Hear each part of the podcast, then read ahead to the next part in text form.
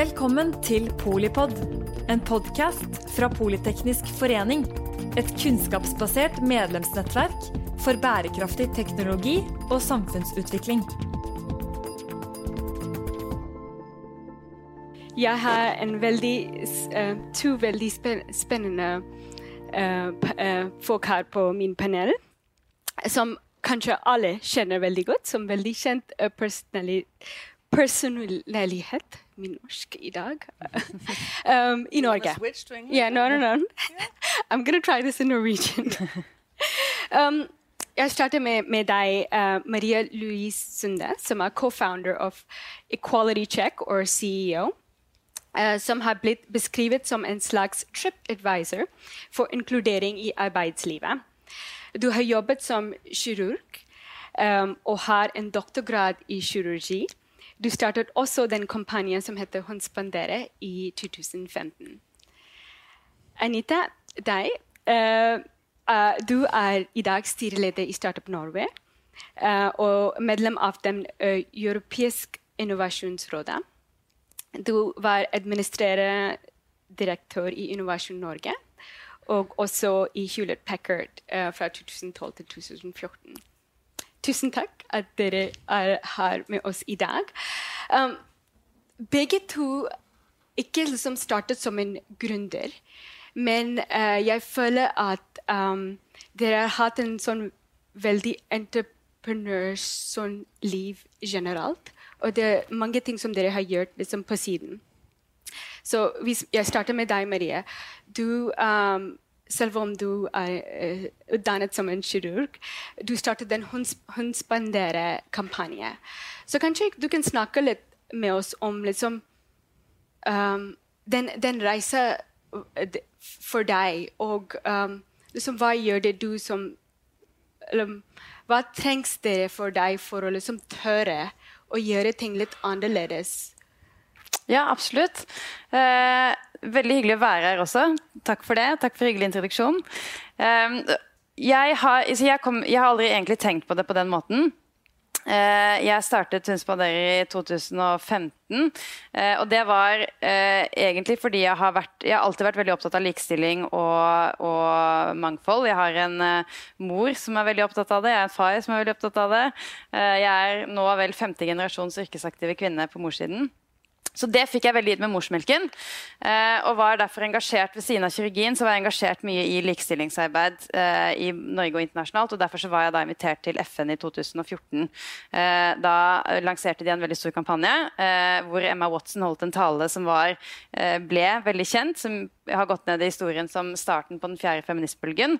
Eh, hvor hun sa bl.a.: If not now, when? If not me, then who? Og det, Dette var da 2014. Det er kanskje vanskelig å se for seg nå, men da var ikke likestilling noe man tenkte på i det hele tatt. Det var ikke på agendaen. Holdningen var litt sånn at det er et fjell som vi har besteget, nå er vi ferdig med det, og nå kan vi gå videre i livene våre. Eh, og da var jeg eh, fersk da Jeg husker ikke om jeg da var turnuslege eller fersk kirurg, eh, men var i hvert fall veldig mye på kirurgen. Eh, fryktelig mannsdominert område eh, på alle mulige måter. Eh, og kjente veldig på de stereotypiene som man fortsatt møter som kvinne i en mannsdominert verden. Noen av dem veldig åpenbart negative, noen av dem er bare uvitende fordi man er annerledes enn det som folk forventer. Eh, så for meg så var det veldig åpenbart at har, det er veldig lenge til vi er ferdig med Det er ikke sånn at vi har uh, rundet likestilling i Norge, uh, sånn som mange snakket om. Så det var mer ut ifra det behovet at dette er et problem som vi har. vi er på ingen måte ferdig. nå må vår generasjon komme inn og, og, fortsette det arbeidet som veldig veldig mange, stort sett kvinner, men også en del menn, har gjort i generasjoner foran oss. og det som jeg syns vi da skulle fokusere på, var mer den ubevisste diskrimineringen. Så det var mot starten på det. Eh, mer ut ifra å se et, eh, et, behov, et problem, eh, og kanskje en måte man kunne løst det på. Eh, mer enn å tenke så mye på at man, den, at man skulle starte noe eller være den som gjorde det. Mer at fokus på problemet og, og, og løsningen. Mm. Og du egentlig startet en sånn helt movement for å liksom andre, andre ting. Så veld, veldig imponerende. Um, og deg, Anita, samme som som du liksom, bygget din karriere i corporate med Hewlett Packard, um, og så liksom bli leder veldig tidlig. Du var også sånn veldig tidlig ut som blogger. eh, i Norge. Så jeg føler at du også har alltid hatt den entreprenørskap liksom, inni deg. Så kanskje du kan snakke litt om det. hvordan ser du det for deg selv? Jeg har jo aldri startet eh, et selskap og har he heller egentlig ingen visjoner om å starte et selskap. Eh, jeg tror jeg tok en tidlig beslutning sånn på begynnelsen da jeg var 30. Eh, hvor jeg var så heldig å bli sendt på et sånt lederutviklingsprogram på Harvard og lærte forskjellen mellom leadership og management. Og da tok jeg egentlig Det var et slags sånn definerende øyeblikk for meg som ung. da. Eh, og det satte egentlig kursen på at det jeg hadde lyst til å gjøre, var å drive med lederskap som handler om at da produserer du endring. Og det å produsere endring er noe annet enn å produsere stabilitet og kontroll, som er på en måte administrasjonssiden. Enhver leder, spesielt toppleder, har et veldig stort administrasjonsgen i seg. Men som eier eh, og styre så må du jo vite hva slags oppgave som skal løses, og så må du sette den lederprofilen som skal til for å få til den oppgaven. Da jeg startet, så var på en måte endringsledelse et begrep. Fordi at eh, jeg kom inn i næringslivet på et tidspunkt hvor man skulle bli ved sin lest. Man skulle ikke utfordre så veldig mye. Man skulle bli enda bedre på det man holdt på med. Og så har vi jo nå sett at nå snakker vi jo nesten ikke om endringsledelse lenger. fordi at hvis ikke du gjør det, så er du ikke relevant i morgen eller over i morgen. Så, eh, men, men, men, jeg tror jeg må nesten gå helt tilbake til barndommen. Ja. Eh, jeg er født liksom på det glade, frie 70-tall. Eh, jeg er ikke vokst opp i rosa eller lyseblått, men i oransje og brunt og selvklipt hår. Og ikke noe digitale hjelpemidler overhodet. Og var jeg husker de eneste gangene vi ble ja, Vi ble ikke kalt inn til middag eller til barne-TV. Ingenting. Det var liksom Vi skulle være ute, leke. Um, og så vokste jeg da opp med en mor som oppfordret meg til uh, um, å tørre å mene noe.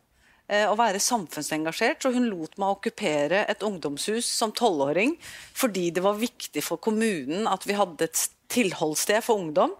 Jeg syns jo det var kjempegøy at jeg kunne få okkupere. Dette her tror jeg ikke jeg har sagt noe om før. Uh, shit, det var kanskje litt uh, Det er foreldet. Ja. Dette er foreldet, ja. Jeg kommer ikke til å bli statsråd uansett, så ja, min okkupasjonsbakgrunn, den uh, Ja. Sånn at, Og mamma var veldig hun, hun, var jo syk, hun var jo bipolar og tok jo livet sitt da jeg var 19. Men fram til det så var hun veldig aktiv i våres liv. Og jeg tror jeg fikk en sånn veldig forståelse tidlig for at det å være mentalt og fysisk frisk gir deg noen fordeler. Det er ikke en selvfølge. Og hvis du har den kapasiteten til å være med og bidra ekstra i samfunnet, så skal du gjøre det på en eller annen form. da. Så da jeg jobbet i nærradio da som 13-åring, og moren min jeg var jo da B-menneske. ikke sant? Hun var jo sjuk. Jeg, jeg, trodde jo bare at hun var oppe og støtta meg. Jeg ante jo ikke hva som var bakgrunnen. Så hun ringte jo inn på mine radioprogrammer. Hun lærte meg jo alle fremmedordene. Jeg husker de ennå. Autodidakt, pleonasme. Altså, eh, jeg har så gode minner om dette her, da. Og på toppen av dette her så hadde jeg en far som fortalte meg fra jeg var bitte liten at jeg var god nok for i svina. Og det er klart at den tryggheten som jeg tror jeg vokste opp med, gjorde at mitt forhold til risiko og det at jeg ikke definerer meg selv ut ifra hvordan omverdenen ser meg, men at jeg har en indre driv og lyst, og det går foran. Eh, og at jeg tør å definere hvordan jeg vil leve mitt liv. Det har jeg jo skjønt som voksen er en forse i næringslivet. For det, det er mest mangel på, er jo trygghet. Og jeg syns Sheryl Sandberg i i Facebook stilte et veldig viktig spørsmål i hennes bok. da. Hun sa 'Hva ville du gjort hvis du ikke var redd?' Og jeg er ikke så redd. Og det er klart at det er jo et konkurransefortrinn. Bare det ikke handler ikke om å være best i faget, men være kanskje minst mulig redd. da. Men det betyr ikke altså, Det som jeg syns var vanskelig da, som eh, ung kvinne, 24 år, trainee i IBM, sendt til Lidingø, skulle klekkes ut og bli corporate. Eh, og jeg rakk opp handa, og jeg var engasjert, og så fikk jeg bare beskjed Du er veldig maskulin. Så tenkte jeg maskulin? Ser jeg ut som en mann? Jeg ble litt usikker. Så det, man, man, var jo ikke vant til min måte å oppføre meg på, for den var jo veldig som gutta. Eh, jeg skulle jo ikke rekke opp handa hvis det var om å gjøre å si noe først. Jeg skulle helst, Det passa ikke inn i et forventa mønster til hvordan jeg burde oppføre meg. Da. Eh, så allerede egentlig fra jeg var født, så har jeg egentlig vært trygg. Og, og ikke i opposisjon til noen ting, egentlig. Jeg har bare vært nysgjerrig. Eh, og der vil jeg bare si én ting. Vi snakker hele tiden om å feile. Hvorfor gjør vi det? Vi prøver. Det er ikke å feile. Jeg mener, Se på alle de store innovasjonene som vi eh, Årsaken til at det er lys her, definerer han sin periode som feil. Han definerer det som prøving. Og det tenker jeg også er årsaken til, til kulturen i USA. Da, ikke sant? At det å teste, og teste og ting ikke blir akkurat sånn som den spekken det var da som vi lovet investorene våre at det skulle bli, det er ikke å gjøre feil. Det, det å gjøre grove feil, det er hvis du, hvis du ikke har integritet, hvis du lurer, hvis du jukser, hvis du kjører selskapet mens det egentlig er insolvent, hvis, også hvis du holder på med sånne ting, da feiler du. Hvis du ikke leverer på en produktdato, eller du ikke får til en lansering, da feiler du ikke. Du lærer. Og dette er læring ingen skoler kan utdanne deg i. Dette er det som er livets læring, ja. som du må ha kombinert med ja. Så Det, det, er litt sånn reframe den uh, feiling til en læring, liksom. Det er bare en læring. Og det er en, en sted jeg føler at nordmann er ikke redd. Det er på skibakken. Mm. Jeg er, ja, men jeg er nordmann, og jeg er livredd skibakken. Eh, jeg er ikke god til å stå på ski i det hele tatt. Jeg er ikke opptatt av ski heller. Ja. Eh, men det er, godt å, det er godt å møte noen sånn, altså. Ja, men Nada, det har vært et problem for meg i ledergrupper hvor det har vært mest menn. Alle skal stå på ski. Mm. Jeg hater det. Mm. Eh, og da måtte ta det valg veldig tidlig. Skal jeg si fra at, at jeg ikke syns dette er så gøy? Og jeg gjorde det i BAM. For da var premien for de beste selgerne det var billetter til eh, Ullevål for å se fotballkamp. I couldn't care less, altså. Det er ikke det som driver mine salgsresultater. Men da sa jeg men du, kunne vi fått en alternativ pris? Kan jeg få en pris, kan jeg få gjøre dette isteden? Som hadde samme verdi. Så da ba jeg om det. Da fikk jeg jo det. Det er jo bare å spørre. Ja, ikke sant. Ja, fordi når jeg uh, kom til Norge, um, det var ti år siden, så alle sa til meg at jeg må lære å gå på ski. Og liksom en råd noen uh, ga til meg, var at liksom, hvis du faller ikke, du har ikke prøvd nok. Det er liksom litt samme som vi, vi snakker om her, med liksom at nordmenn må ta eller uh, som når vi sammenligner med, med USA, at folk er litt mer vant til å ta sjanser, ta risiko. Og jeg følte at nordmenn er veldig vant til å ta det på skibakken, men mm. ikke på andre Ta det med vilje. Men det som jeg også vil slå et slag i, i denne feil, for av og til så kan jo denne feildiskusjonen bli uh, vel buzzword-aktig. ikke mm. sant? At du må bare prøve, og du må bare feile, og jo mer du feiler, jo bedre er det. og sånn. Uh, og det, Jeg kommer fra en helt annen skole. ikke sant? Jeg kommer fra kirurgien. Der er det ikke snakk om å bare prøve å feile. Kjør på! Uh, og det er ikke sånn at du, jo mer du feiler, jo bedre. Der er risikoen ved å feile kjempehøy. Det er fatalt. Det er andre mennesker du skader. Og, det, og, så er det også sånn i kirurgien at de, de, de situasjonene man lærer aller mest av, det er selvfølgelig de gangene du har gjort noe feil, fordi at eh, omkostningen er så enorm på andres vegne. Eh, og, det, og, det, er jo det som jeg tenker Læringen av å gjøre feil, det er at, det, at du, du, skulle så ønske at du gjorde noe annerledes. Eller at man, man, lærer så mye av det fordi man ser at her har jeg gjort jeg kunne ha gjort det på en annen måte. Eh, det, har fått konsekvenser. I, når du starter som, som gründer, så er det jo helt andre konsekvenser. Det er ingen som dør av at du gjør noe feil. Eh, men jeg tror ikke læringen i feil er så stor hvis du går rundt og eh, hvor det er om å gjøre å gjøre flest mulig feil. Fordi vi liker jo ikke å feile. ikke sant? Det er det jo ingen som gjør. Eh, og det er derfor vi lærer så mye av det, for vi prøver å unngå det.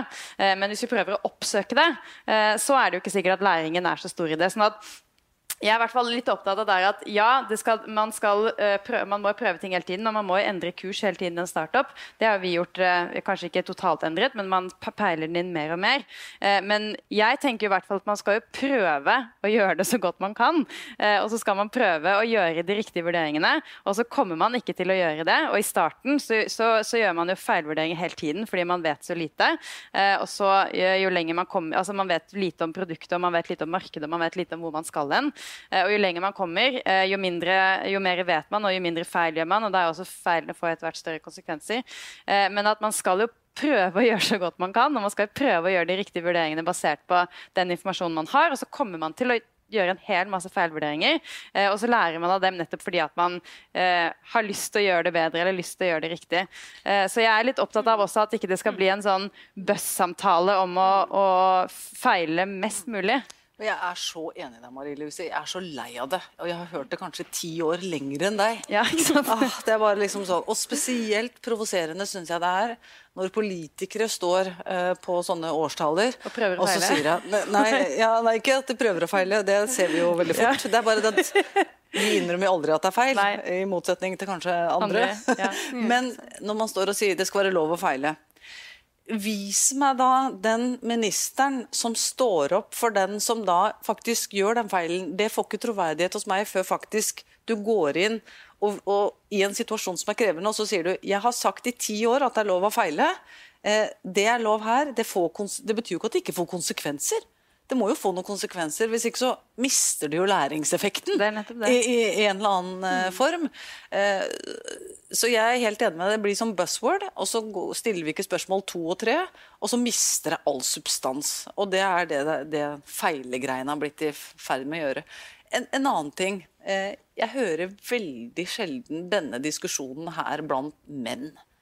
De snakker ikke om feil i det hele tatt. De snakker om å satse. Det er det de sa. Ikke sant? Hvor mye risiko skal de ta? Skal de gå den veien, eller skal de gå den andre veien? En annen observasjon jeg har hatt de siste 10-15 årene, er at jeg ofte da blir uttale, eller bedt om å uttale meg på vegne av et helt kjønn. Jeg kan ikke det. Jeg kan kun snakke for meg selv. Jeg har aldri hørt Trygve Hegnar si 'vi menn mener at'. Men, men ikke sant? Og det er jo bra, fordi han representerer jo ikke alle menn. Han mener alltid. Det er et særdeles godt poeng, men, men ikke sant, som, altså, eh, når du er en minoritet, da, enten det er fordi det er eh, kjønn, eller man har internasjonal bakgrunn, eller hva det måtte være, så blir man i en fase før man blir kritisk masse, tilegnet at man snakker på vegne av en helhet. Det er ganske krevende, altså. Kjempekrevende. Og jeg tror det er like viktig å vise at det er mangfold blant, det er like stort mangfold blant kvinnelige ledere som det er blant mannlige. Eh, og det er jo ikke sånn at alle menn eh, skal heie på hverandre. De fighter jo som bare det. Alle kvinner skal ikke stå og heie eh, ukritisk på hverandre heller. Men det er noe annet. Det handler om å ha respekt for at det er en minoritet som står i en oppgave som de er nødt til å komme seg over for å komme til kritisk masse. Så du heier derfor av prinsipp på saken. Ikke spesielt altså, man, Vi trenger ikke å like hverandre for å forstå at dette er viktig for samfunnsutviklingen. og den debatten syns jeg også vi av og til ikke nyanserer. Ja, altså man blander, og det er dette vi jobber med mye i Culturecheck, at man må ha riktig data, du må stille diagnose, og så må vi slutte, vi må slutte å være så mytebasert.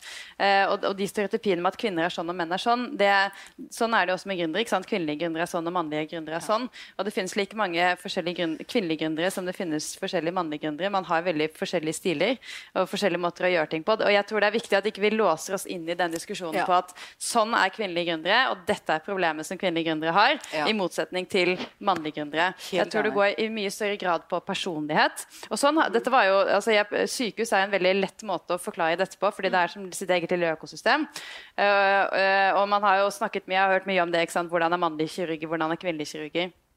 Eh, og det som jeg pleide ofte å forklare det med, er at hvis du, ja, hvis du eh, på populasjonsnivå hvis du hadde målt forskjellen på alle mannlige og kvinnelige kirurger, så har du sikkert funnet noen forskjeller.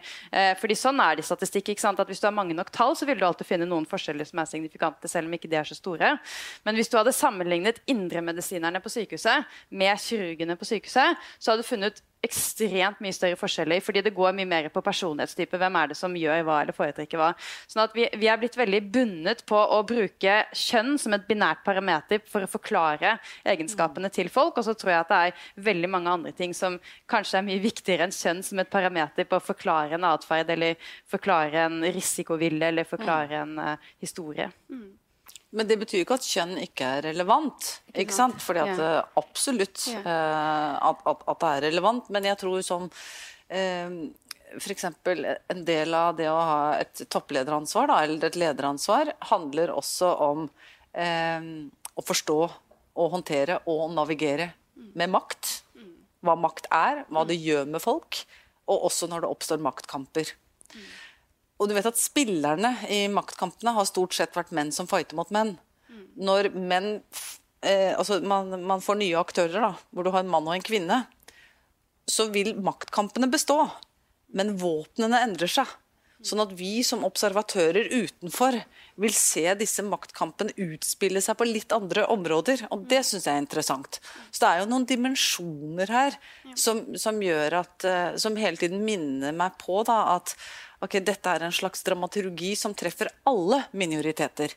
Uh, uavhengig om det er kjønn, eller om det er kultur, eller om det er alder, eller om det er hva det måtte være. Og det er interessant. Den dramaturgien, den består uavhengig av, av tiden, tror jeg. Definitivt. Ja. Nei, kunne... Legen er enig. Ja, legen er enig. Ja. Fordi jeg tror, jeg, jeg tror, mange kan være enig i at det er ikke, ikke liksom bare kjønn og det er personalitet.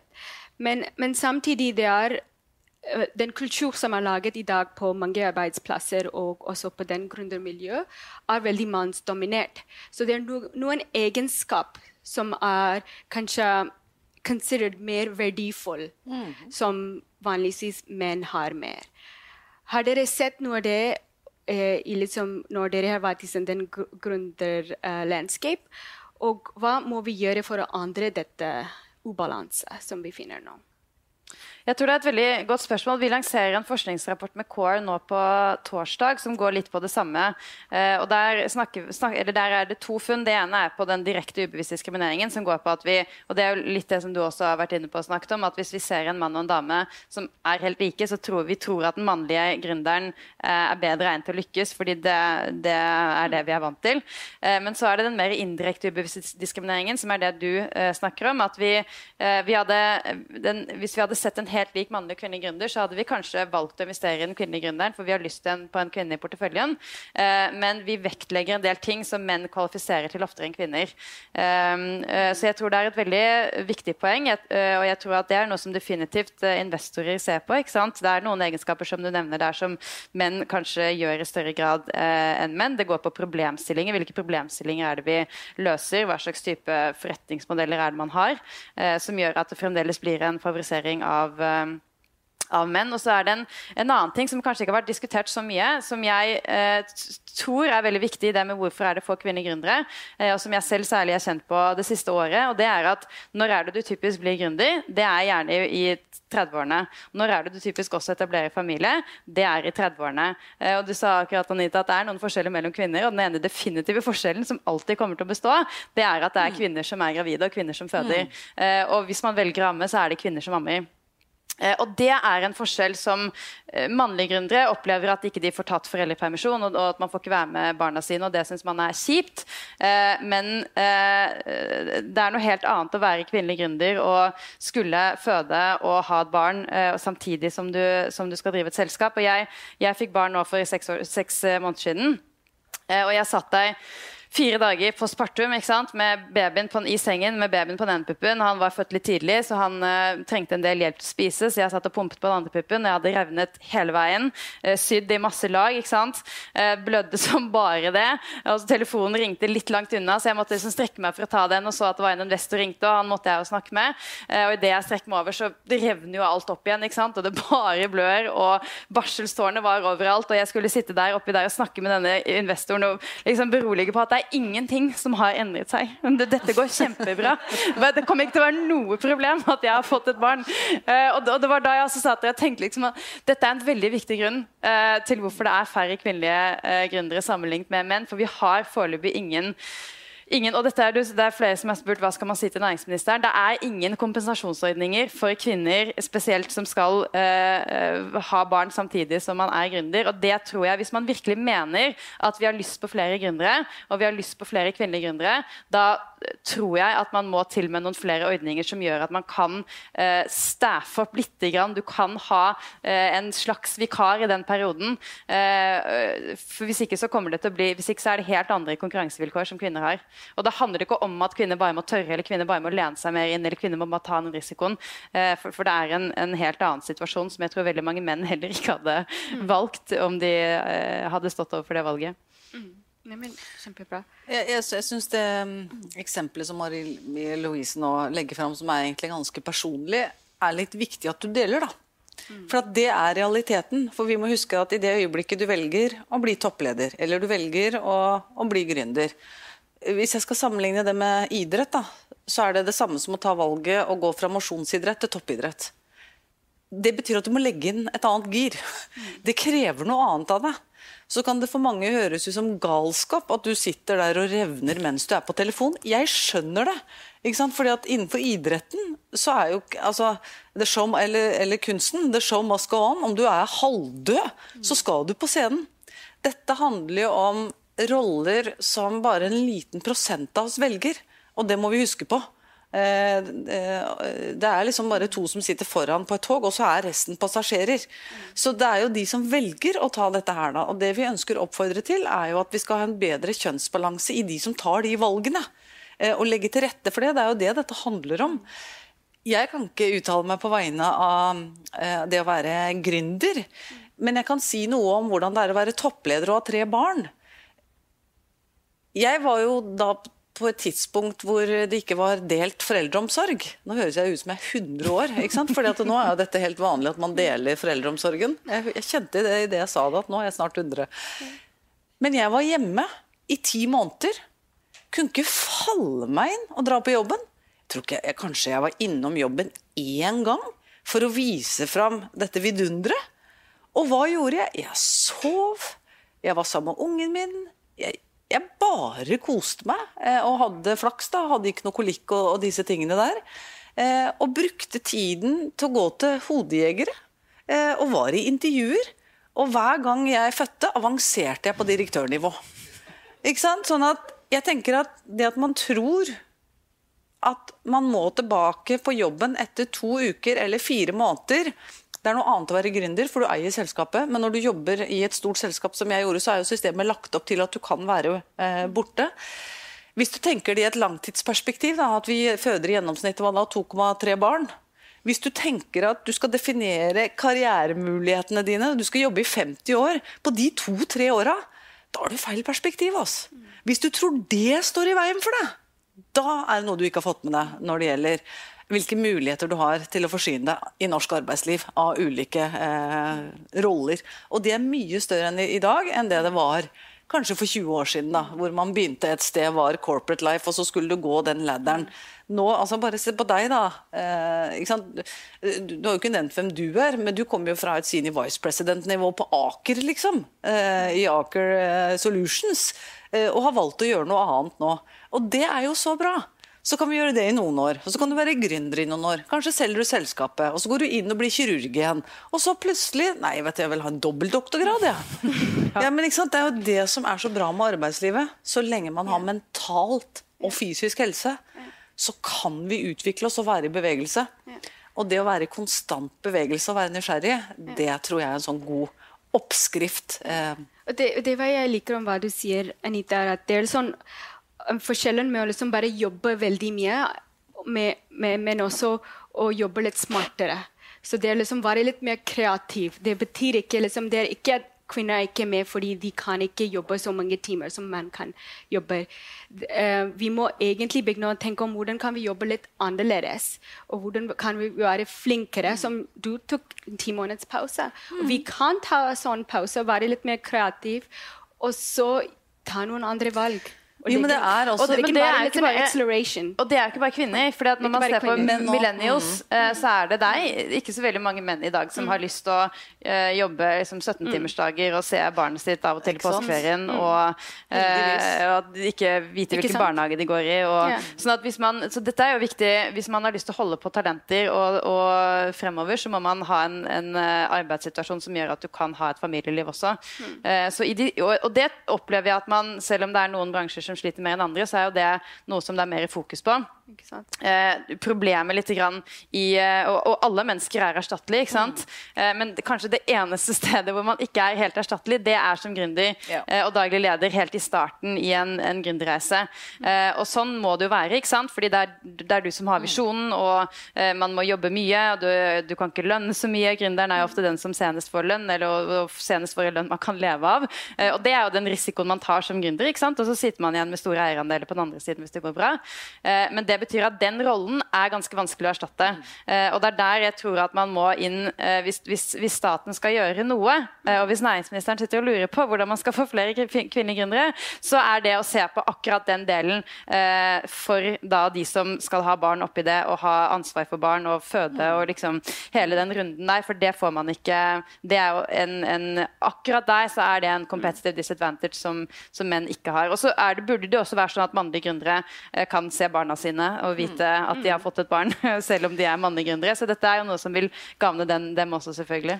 Men jeg syns også det er litt viktig at uh, La oss si du skal ta en toppjobb da, i Telenor eller hvor det måtte være. Uh, så innebærer det reisedager. Det å tro at premissene for å gjøre den jobben er annerledes eller uavhengig av kjønn, det er den ikke.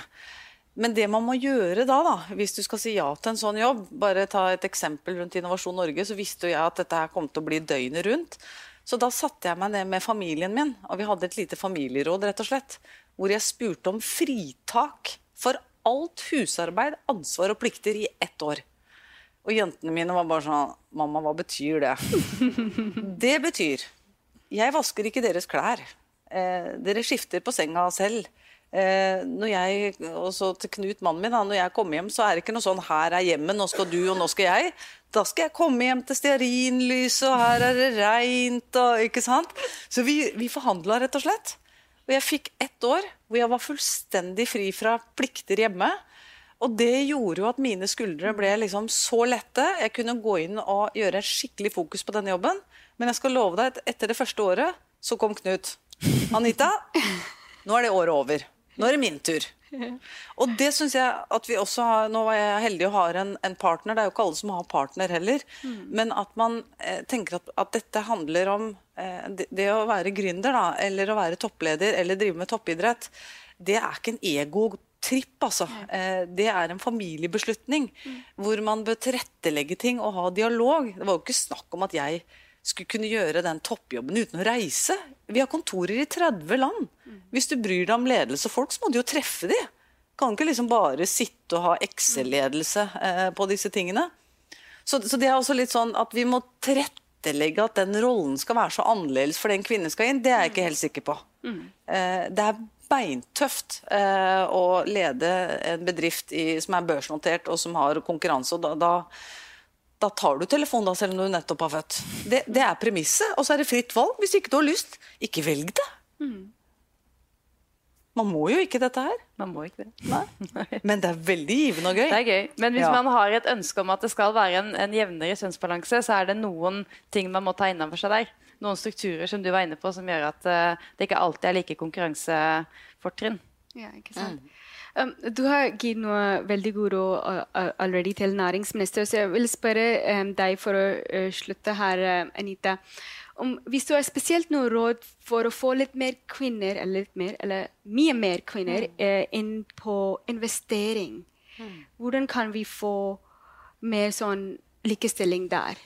Heldigvis, og jeg har sett mm. tallene de siste årene, eh, så ser vi en økning der i flere mm. kvinner som investerer. Det er kjempe, kjempebra. fordi at det er en utrolig fin måte å, å bruke eh, din egen altså forbrukermakt. Og jeg må bare si at jeg måtte bli 50 før jeg investerte i fond. Jeg har investert i eiendom. Jeg har gjort direkteinvesteringer i, i startups. Eh, og så har jeg noen penger på sparekonto. Det er de tre måtene. Og så har jeg hatt noe mikrosparing. Men jeg har ikke vært i fond. Uh, og det er aldri for seint, for å si det sånn. Uh, men det jeg ser, er at dere som er yngre, gjør dette mye mer bevisste enn det kanskje min uh, generasjon var. Så det å starte hjemme selv, begynne å snakke med venninner og familie Det er ikke så ofte man har venninneprat og snakker om hva bruker du pengene dine på? Hvor investerer du? Hvilke fond investerer du? Hvorfor har ikke vi den praten? Gutta gir hverandre sånne tips mm. hele veien. Mm. Mens jentene, i hvert fall i min, eh, ja. min jentegjeng, da, så har vi snakka altfor lite om eh, gode tips på investeringer. Så det har vi begynt med nå. Og det ser jeg hjelper. Og så eh, ser jeg også at tilbakemeldingen de, Når jeg velger kriterier for fond, så velger jeg tre kriterier. Jeg velger bærekraft, teknologi og likestilling. Mm. Fordi at hvis jeg og en million andre velger likestilling, så vil det tvinge fondet til fordi at der kommer etterspørselen, så du må bruke den økonomiske makten du har. da.